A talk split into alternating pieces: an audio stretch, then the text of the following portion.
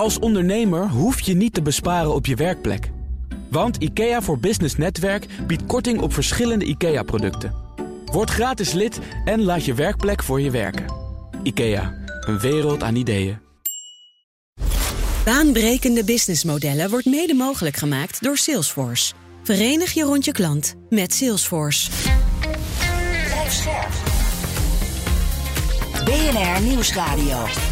Baanbrekende businessmodellen. John en Patrick. Naam van jullie bedrijf. Miro. Waar komt die naam eigenlijk vandaan? Miro is een Spaanse schilder. En uh, die is gekozen vanwege het creatieve. En je ziet ook helemaal in onze huisstijl, zie je het ook inmiddels terug. Welk deel van de tooling wordt door klanten het meest gebruikt? De tool zelf die wordt uh, het meeste ingezet rondom brainstorming en strategievorming, zeg maar aan het begin van de cyclus van nieuwe producten. Noem één aspect waarin het platform volgens jou uitblinkt. Het is de integratie met de primaire processen binnen de klantorganisatie. Dat maakt dat de tool breed ingezet kan worden. En beste Mark, welk probleem lossen jullie eigenlijk op? Miro die laat mensen en teams, ongeacht locatie en tijdzone, uh, laat ze samenwerken zonder uh, de noodzaak van een vergaderruimte, een tafel, een whiteboard of een flipover. Dus feitelijk kan je zeggen dat we het probleem van hybride werken oplossen.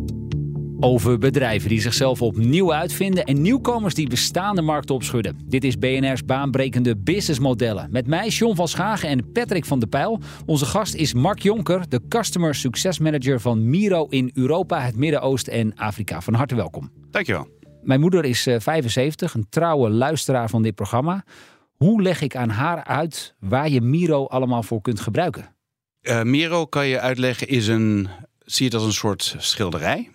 En het is een heel groot canvas wat leeg kan beginnen. En dan kan je doen wat je wil. Je kan erop tekenen, je kan er vierkantjes op zetten, je kan er sticky notes kunnen als je grootmoeder sticky notes kent. Maar je kan gewoon je gedachten de vrije loop laten en dan kan je tekenen op een oneindig canvas. Daar begint het.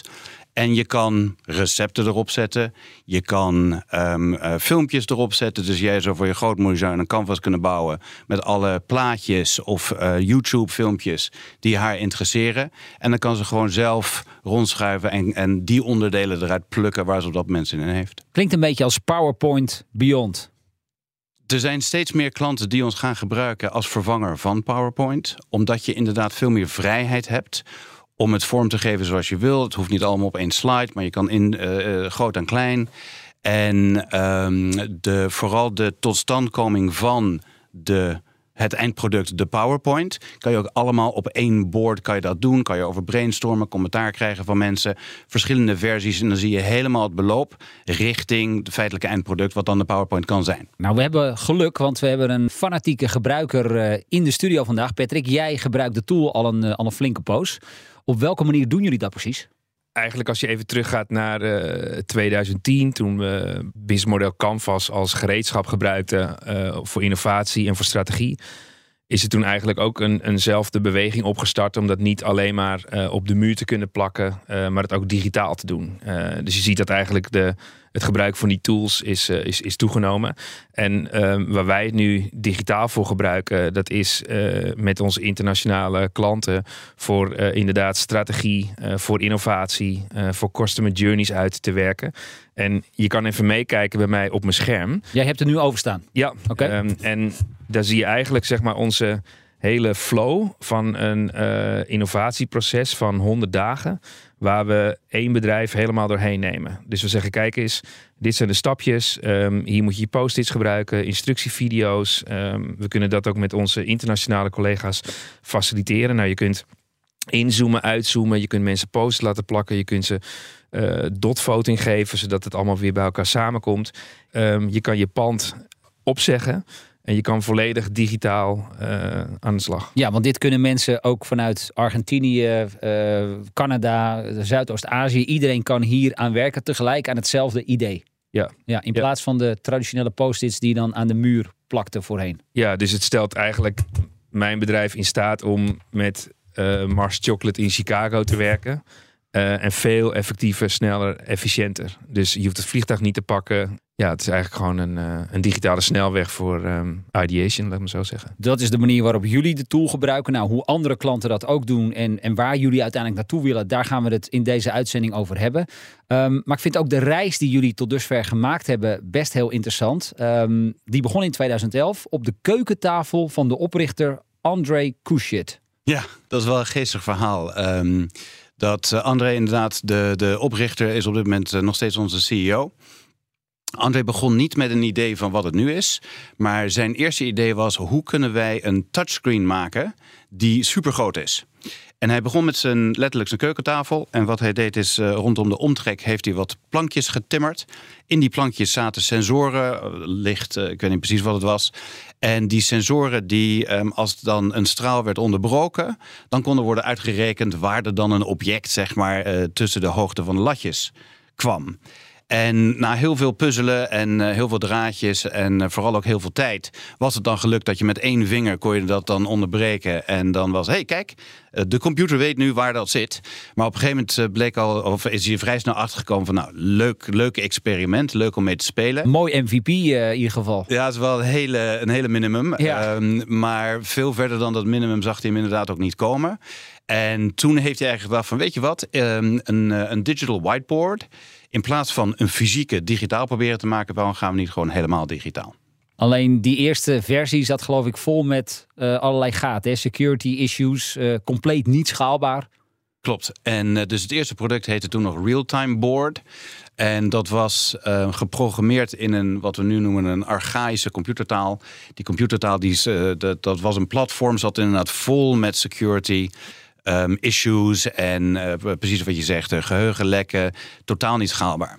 Op een gegeven moment toen bleek van, hé, hey, er is best wel vraag naar zo'n soort tooling. Toen dacht ik, oké, dan moeten we het eigenlijk het volledig vanaf de grond op, uh, opnieuw gaan opbouwen.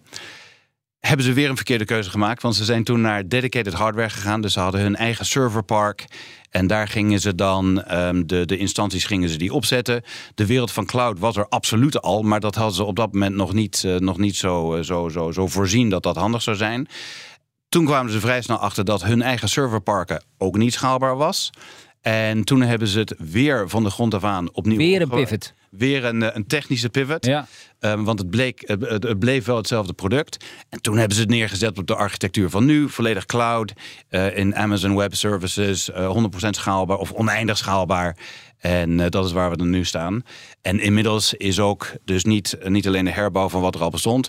Maar de visie van wat is dit. Is ook enorm geëvolueerd nu inmiddels. Ja, maar uiteindelijk zie je op dat moment aan die keukentafel wel dat er iets was om op een visuele manier te gaan werken. Wat um, was de strategie en, en het verdienmodel wat jullie op dat moment voor ogen hadden? Op dat moment was het echt een digitaal whiteboard. En het werd ingezet voor workshops. En het, um, het, verdien, of het, het, het, het waardemodel was niet hoeven overschrijven van wat er op een whiteboard staat op papier. Ja. Dus die tijdswinst die werd weggehaald. Maar je zat wel nog steeds met z'n allen in één kamer. Ja. Later kwam het erbij van: hé, hey, maar wacht eens eventjes, dat hoeft eigenlijk niet. Dus we hoeven misschien niet een uur in de trein te zitten om hier samen te komen. Maar dat was nog best wel um, clunky. De, het internet was nog niet zo uh, snel genoeg. Ja, ze om, uh, inderdaad over het begin 2010 tot ja, uh, de jaren ja, daarna. Ja. Dus het was echt een, een, een digitaal whiteboard. En voor, voor die hele eenvoudige toepassing was er al vraag. De grote veranderingen zijn met COVID gekomen. Want in COVID kwam ineens echt een noodzaak. Ik moet niet wat stickies op een bord, maar ik moet mijn hele business moet ik nu zien te runnen op een andere. Ja, want we hadden het net over een, een paar technische pivots. Nou, de echte pivot was inderdaad tijdens de pandemie. Uh, wat, wat gebeurde er toen? Welk besef kwam er toen bij jullie? Ten eerste was het besef van hey, er is markt, er is vraag naar dit type platform. Dat was er al. En toen is in 2019, nog voor de pandemie, is de switch gemaakt van realtime board naar het woord Miro. Bedrijfsnaam veranderd? Bedrijfsnaam veranderd, moest minder technisch klinken. Want toen was wel al van, hé, hey, wacht eens eventjes. Wij kunnen hiermee de enterprise markt op. Dus de grotere bedrijven, niet de hobbyisten, alleen de, de, de, de technische mensen. Maar eigenlijk breed gaan inzetten. Dus de gedachte kwam in 2019. En toen kwam de pandemie. Iedereen ging naar huis. En toen ging iedereen op zoek naar hoe kunnen we deze dingen nu samen doen. En toen viel dat kwartje ook eigenlijk pas. En is er een hele snelle opeenvolging, de ene na de andere release. Uh, na COVID hebben we de, uh, de, onze huidige CPO, de, de product uh, um, officer erbij gehad, Veroen Parmar. En dat was pas na COVID, want toen bleek van oké, het is nu zo snel gegaan. Hebben we nu een allergaatje? Um, zijn we nu uh, misschien richting een soort Microsoft Word van toen? Dat je steeds meer features erbij zet waar eigenlijk niemand op zit te wachten. Dus uh, na COVID was het eindelijk tijd voor een soort pas op de plaats. Van laten we heroriënteren van wat hebben we in COVID zien gebeuren. Dat was heel snel heel veel gebruik van eigenlijk basisfunctionaliteit. En de hele nieuwe strategie die we nu hebben om een volledige bedrijfsvoering te runnen vanaf één canvas. Dat is echt pas na COVID, um, of door, maar ook na COVID gekomen. Want tijdens COVID was er helemaal geen tijd voor. Mark, even terug. Hè? Dus als je um, kijkt naar de begintijd, weet ik ook dat Alex Osterwalder, die um, met het businessmodel Canvas bezig was, ook met software die worstelde heel erg om te begrijpen um, welk probleem los ik nou uiteindelijk op. En wat was dat op dat moment uh, voor corona? Eigenlijk de nerds zoals ik, die uh, dat moeten gebruiken om uh, workshops te faciliteren. Um, dat waren eigenlijk de gebruikers en die ook bereid waren daarvoor te betalen. En ik kan me nog heel goed herinneren dat in die beginjaren, um, eigenlijk nou ja, late 2010, dat Alex zei ja, ik denk dat ik wel iets heb, maar ik krijg niet de bredere uh, groegemeente daarop. Dus wat betekent dat? Als je dan workshops uh, op het gebied van strategie met teams van 30 uh, draaide, dan waren één of twee mensen vanuit een klant daarmee bezig en ook bereid om een abonnement af te nemen. Maar dan had je het wel gehad. Want wat was dat? Dan zeiden ze ja, je hebt die nerds die daarmee bezig zijn en laat hen maar die tools, et cetera, uitwerken. En wat ik fascinerend vind is dat door corona uh, zag je uiteindelijk dat mensen uiteindelijk ook dat gereedschap moeten kunnen gebruiken. En met elkaar dat nodig hebben om te kunnen samenwerken. En door corona werd het in eigenlijk die, die gebruiksgroep van twee. Dat werd uiteindelijk de gebruiksgroep van 30. Wat je aangeeft klopt. Dus voor de pandemie waren het de, zeg maar, de early adopters die met deze technologie aan de slag gingen. Tijdens de pandemie moest iedereen het gebruiken, want iedereen zat thuis. Wat we wel zien is na de pandemie is iedereen toch wel, of een hoop mensen zijn toch wel weer meerdere dagen per week op kantoor. En wij zien dat uh, we hebben veel klanten die nog steeds zeggen wat jij net aangaf: van joh, um, ik gebruik het voornamelijk voor workshops. Dan heb ik één facilitator. Niet iedereen heeft een volle licentie nodig. Nou, dat is waar mijn team nu komt kijken. Dus um, John, je gaf in de inleiding aan. Ik ben verantwoordelijk voor alle klanten in Europa, Midden-Oosten en, en Afrika.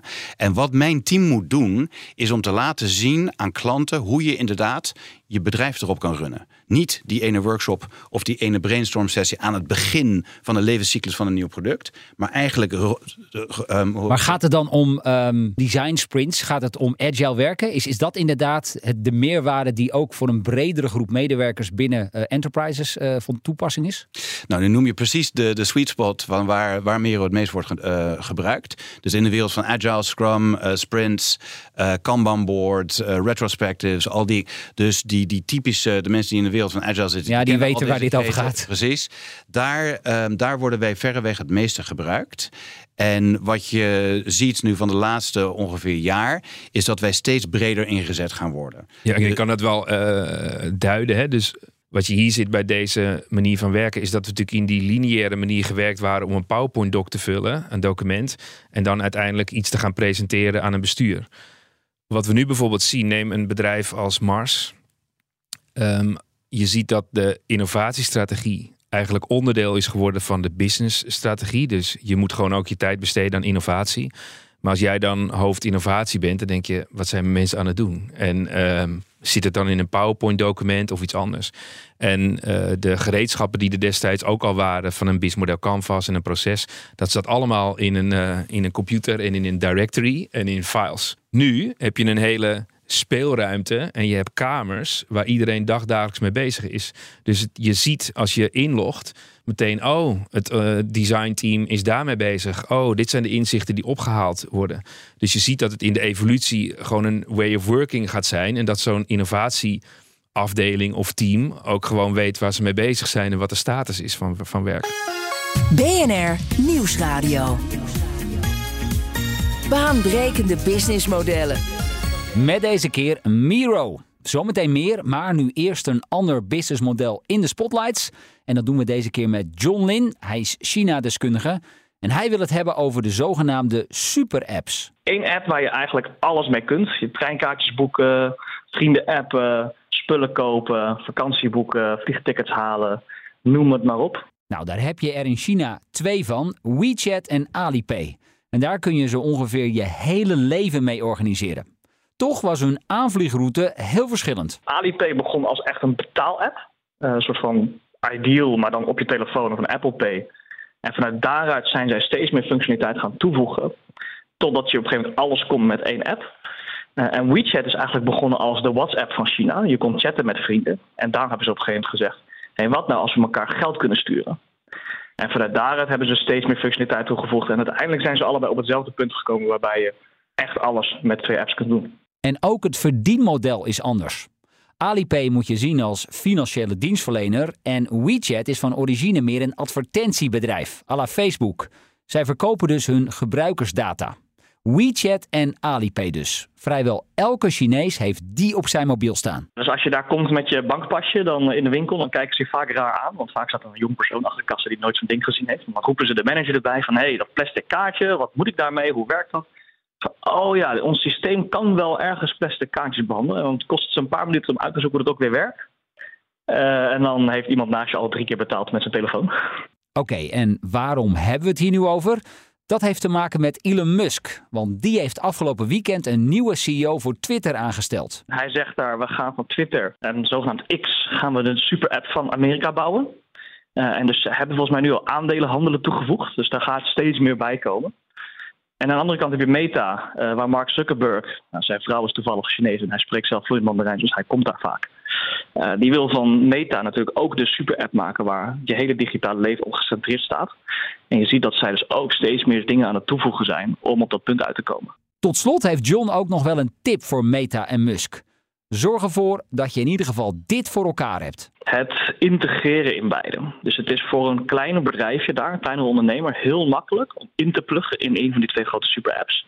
Dus die grote techbedrijven hebben niet alles zelf gebouwd. Uh, iedereen kan erop meedoen. Het zijn eigenlijk kleine appstores. En dat is iets wat we hier in Europa sowieso meer moeten doen. Het openstellen, het samen doen van zoiets bouwen. John Lin was dat, China-deskundige. Met Mark Jonker praten we verder over Miro. De tool telt inmiddels 50 miljoen gebruikers van over de hele wereld. Er is ook inmiddels een grote vestiging in Amsterdam met 800 mensen. Vlakbij het Leidseplein uh, zitten jullie. Uh, maar Patrick, als je naar het speelveld kijkt, er is wel competitie. Hè? Want welke alternatieven zijn er zoal? En, en hoe zet jij dat af tegen het bedrijf van onze gast? Als je kijkt naar de evolutie van de digitale tools als het gaat over samenwerken, als je dat zo breed bekijkt, dan zie je ook dat een Microsoft Teams dat is. En, en Microsoft heeft bijvoorbeeld een, een whiteboard. Nou, alleen die functionaliteit van een whiteboard, die kun je gebruiken als je zo'n heel groot apparaat hebt. Dat hebben wij staan. Nou, en dan kan je zeg maar um, ook uh, dingen schetsen, aantekeningen maken, eigen gebruik als een flip. Maar die is niet zo ver geavanceerd. Um, je hebt tools als uh, Lucid je hebt uh, Creately, um, je hebt ook Google Jamboard. dat zit ook weer een beetje in de hoek van Microsoft Teams. Je hebt ook ClickUp, je hebt Mural. Ja, die dus- laatste wordt ook wel vaker genoemd. Hè? Dat is wel een grote ja, speler. Dus ik denk als je, als je kijkt naar um, waar wij werken en um, bijvoorbeeld bedrijven als Ikea, uh, Lego, um, Hitachi, die gebruiken eigenlijk uh, de meeste tools zoals uh, Mural en Miro. Alleen wat je daarbij ziet is dat belangrijk is van hé, hey, waar is dan het vertrouwen? Hè? Want uiteindelijk als je je product innovatiestrategie in zo'n tool hebt staan, wil je wel veiligstellen dat niemand erbij kan. Um, maar dan betekent het wel dat ze die twee tools door elkaar gebruiken. En, maar wat ik wel zie, bijvoorbeeld ook bij IKEA, zeggen ze ja. Miro heeft een voorkeur omdat er uiteindelijk een beter user interface in zit. En dat het beter met andere documenten kan integreren. Voorbeeld, ik kan gewoon een PowerPoint-file in mijn uh, Miro uh, jassen. En dan heb ik gewoon in één keer mijn hele spread uh, bij elkaar. Dus de gebruiksvriendelijkheid is, is ja. iets beters, mijn vraag. Patrick noemt hier twee dingen: user interface en integratie. Zijn dat inderdaad twee ja, bepalende uh, elementen om klanten over de streep te trekken? Dus user interface is iets wat je vrij makkelijk kan kopiëren. En wij zien dat de concurrentie voelt zich uh, erg geïnspireerd door de manier waarop Miro is opgebouwd. Um, dat is heel aardig om te zeggen dat ze de boel uh, aan elkaar jatten. Of, nee, klopt. Je ziet echt wel, ja? Uh, ja, je ziet echt wel uh, okay. click-up of de nee. Het... Hij, hij, blijft heel aardig. Ja. ja. um, en wat wij vooral zien is dat als je je hebt integratie, je hebt integratie.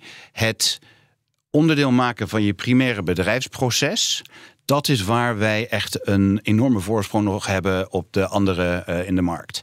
Wat wij zien is dat bijvoorbeeld een Teams of een Jamboard, um, dat zijn echt de hele lightweight. Um, noem het meer de, de, um, uh, de digitale whiteboards. Die zijn vaak, hebben hun levenscyclus in de, in de context van één meeting. En daarna eigenlijk niet meer.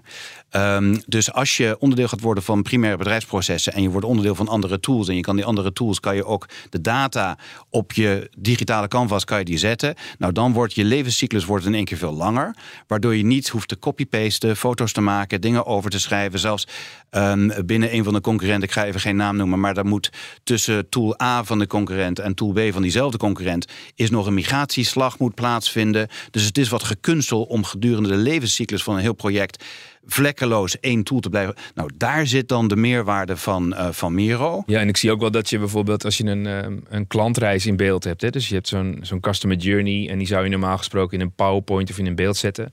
Nu zie je eigenlijk dat bij bedrijven met wie wij werken het steeds meer wordt gebruikt als één document wat leeft.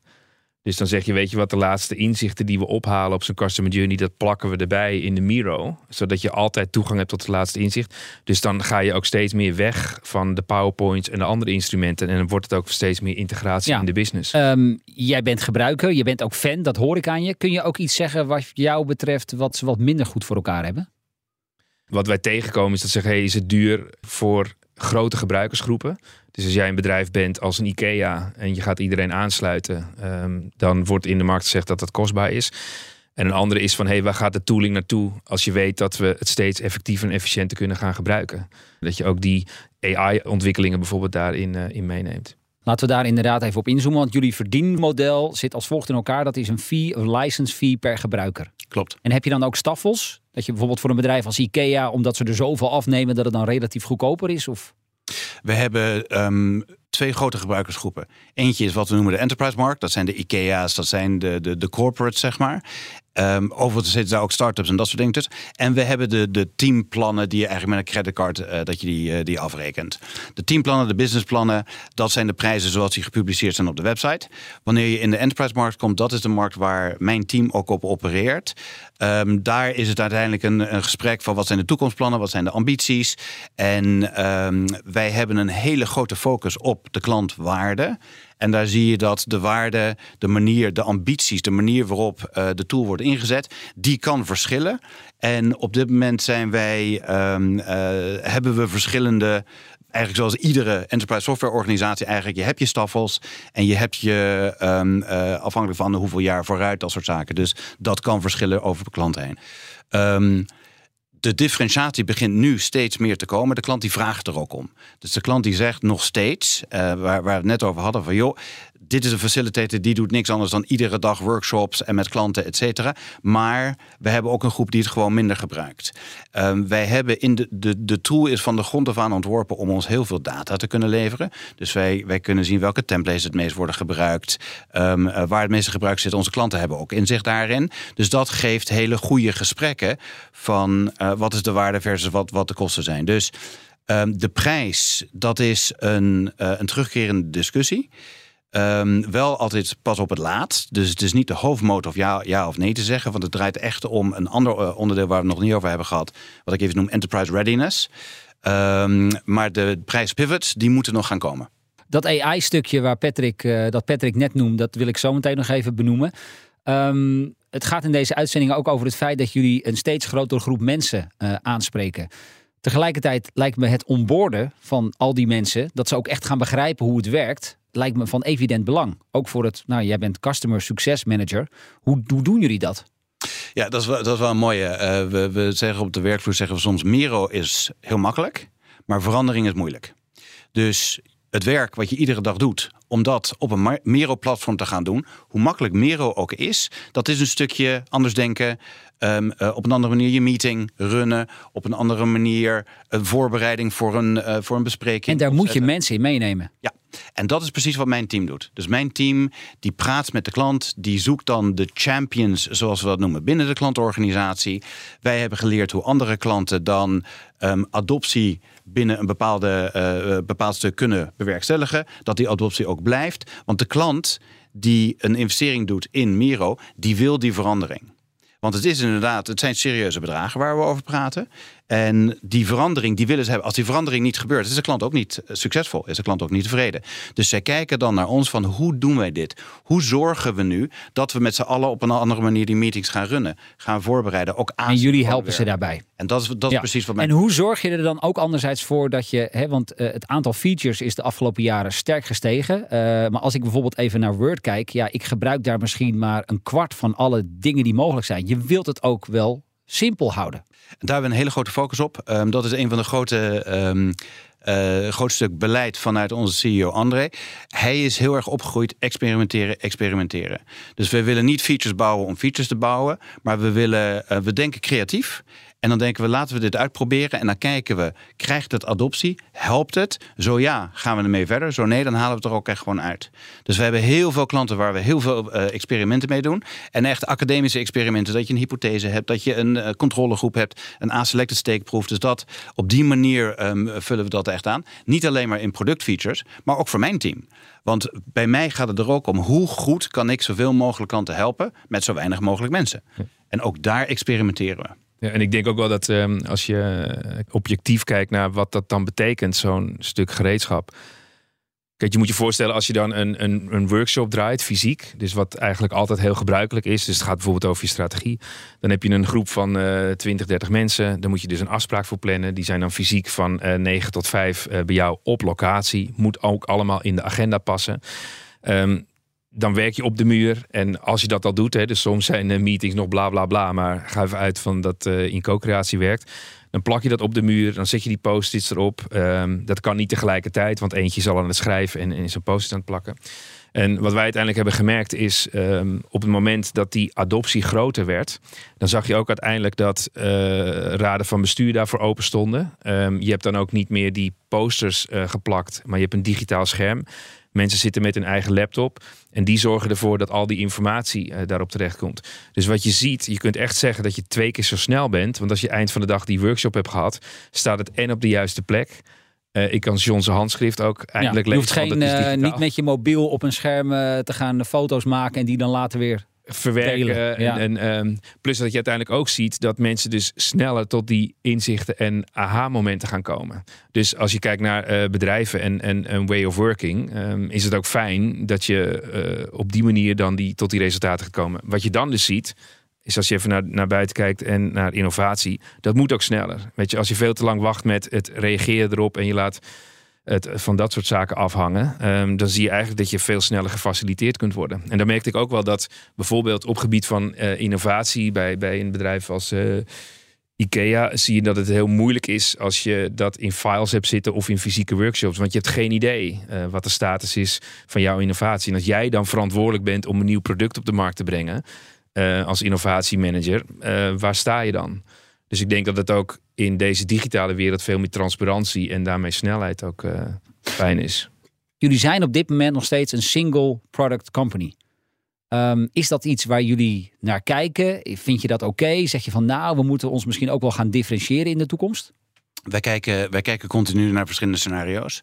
En um, uh, mijn, eigen, mijn eigen mening, en ik praat nu niet namens Mieren, maar gewoon zoals ik kijk hoe wij bewegen, ik, zie, ik spreek veel klanten en klanten vragen steeds meer om differentiatie. Wij zijn steeds meer, zijn wij, wat ik net al aangaf, als wij in het primaire proces van klanten zitten. Dat betekent dat je op een gegeven moment ook meer klantspecifieke of industriespecifieke stukken workflow gaat uitbouwen. Dus op een gegeven moment gaan wij verticaliseren en krijgen wij meer verticale oplossingen waar het nu meer horizontaal is. Op dan het stuk agile, uh, waar, waar we het eerder over In gewone mensentaal, je gaat een oplossing bieden voor een bepaalde industrie. Precies. En voor een andere industrie heb je weer een andere Miro. Ja, uh, of in ieder geval uh, een, een andere, Miro met andere, andere features.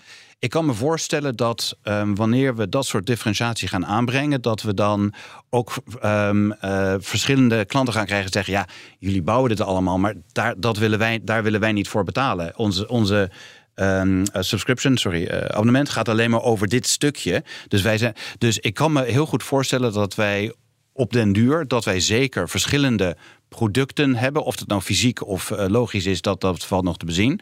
Met verschillende uh, prijzen. Dat, dat zie ik wel gebeuren. Ja, want je ziet nu bijvoorbeeld op, op het gebied van strategie. Um, dan heb je zo'n hele stappenplan waar je in een flow helemaal doorheen komt.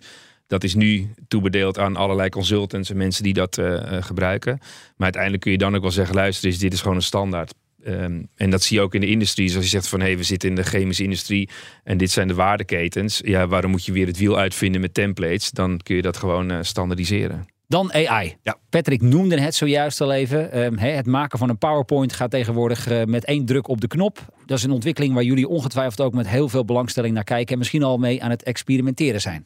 Ja, wij zijn uh, zelfs uh, zover aan het experimenteren dat we op dit moment hebben wij een beta release met wat wij noemen Miro AI. En die maakt echt gebruik van de generatieve AI, dus het ontwikkelen van nieuwe stukjes informatie. En het voorbeeld waar we het net over hadden, van je staat, um, uh, je bent in een workshop bezig, dat levert vaak veel aantekeningen, veel stickies, veel dingen op. Die op een gegeven moment moet je dat wel allemaal gaan clusteren. Wat hoort bij elkaar? Hey, hier zitten doublures in. Dus het nabewerken van een workshop duurt best lang. Ook gewoon in de normale wereld. Nou, waar wij op dit moment met AI mee bezig zijn, zijn twee dingen. Eentje is om tientallen of honderden stickies die uh, zeg maar het resultaat zijn van een workshop of van een, uh, van een sessie, om die automatisch te clusteren. Dus gebaseerd op wat er op die stickies is geschreven, gaat die zoeken naar nou, deze onderwerpen die, eh, die horen bij elkaar. Dus dat is één ding wat wij nu al hebben en daar zijn we nu met, uh, met de klanten beta's mee bezig. Um, naast dat clusteren hebben we ook een samenvattingfunctie. Dus dat je over een cluster heen, dat je een samenvatting genereert van, nou, blijkbaar is dit de trend waar, uh, waar, waar hierover wordt gesproken. Dus dat is één onderdeel waar we mee bezig zijn om uit grote bergen informatie, om daar intelligentie op toe te, uh, toe te passen, om, uh, om daar, daar inzichten van te verkrijgen. Dat is één deel. Een ander deel is bijvoorbeeld dat je een. je, je kan mind, mindmaps kan je maken met Miro. En dat je zegt: ik wil een agile transformation. Um, dan klik je op het uh, AI-knopje en dan bouwt die automatisch, gaat die nodes in de mindmap gaat die toevoegen. Van nou ja, waarschijnlijk bedoel je dit en dit en dit. En dan heb je al een enorm startpunt. En je kan misschien kan je praten over een podcast maken. En dat hij dan ook daar nodes voor gaat. Uh, gaat... Ja, of even een strategieworkshop gereedschap en dan uh, blaast hij dat precies. voor je in Miro. En dat is ongelooflijk interessant om de, de time to value van de klant enorm te kunnen verkorten. Door dat, dat soort stukken intelligentie toe te voegen. Um, wat ook interessant is, is, ik weet niet of jullie daar, daarover hebben gelezen, dat was bij Samsung. Uh, dat las ik uh, twee weken geleden, las ik dat. Dat bij Samsung waren ze ook uh, AI aan het gebruiken, ChatGPT, om dingen samen te vatten. En er waren Samsung engineers. En die waren complexe verhalen, stuurden ze naar ChatGPT, nu een grote open, open source AI wat, wat beschikbaar is, om dat te laten samenvatten voor zichzelf. Wat ze niet door hadden, is dat ze eigenlijk Samsung bedrijfsgeheimen die werden ineens onderdeel van het leermechanisme van ChatGPT. En andere klanten die begonnen ineens antwoorden te krijgen die, die uh, wat eigenlijk proprietary informatie van Samsung was. Dus dat soort dingen, een hoop mensen beseffen dat nog niet. Maar hoe ga je met AI om? En wat gebeurt er als je AI een vraag stelt? Want wij gebruiken daar ook Microsoft Azure voor. Um, dus, dat, dus er zijn nog een hoop bewegingen. Ik kan me voorstellen dat nieuwe ideeën over productinnovaties van bedrijf A uh, wil natuurlijk niet dat, dat, dat die wel meteen op straat komen te liggen. Precies. Dat is wat je bedoelt. Precies. En als ik een vraag stel aan een AI, mijn vraag komt dan ergens terecht voordat ik een antwoord krijg. Nou, die vraag, als daar uh, gevoelige informatie in staat, komt dat wel in de buitenwereld terecht. Mooi, hè? je nooit bedacht dat een vraag uh, IP-achtig of... of uh, Moeten we ook weer over gaan nadenken in de toekomst. Ja. Het wordt uh, interessant. Ja, tot slot nog even. Jij zijn wel van, ehm, waarom ben je zo enthousiast over dat Miro? Kijk, wat ik nu had meegemaakt in de afgelopen tien jaar... dat je uiteindelijk ziet dat een bepaald stuk idee of gereedschap um, heel moeilijk is om als business te ontwikkelen en daar uiteindelijk geld aan te verdienen. En je kunt het eigenlijk een beetje vergelijken met de fotocamera op je, op je toestel.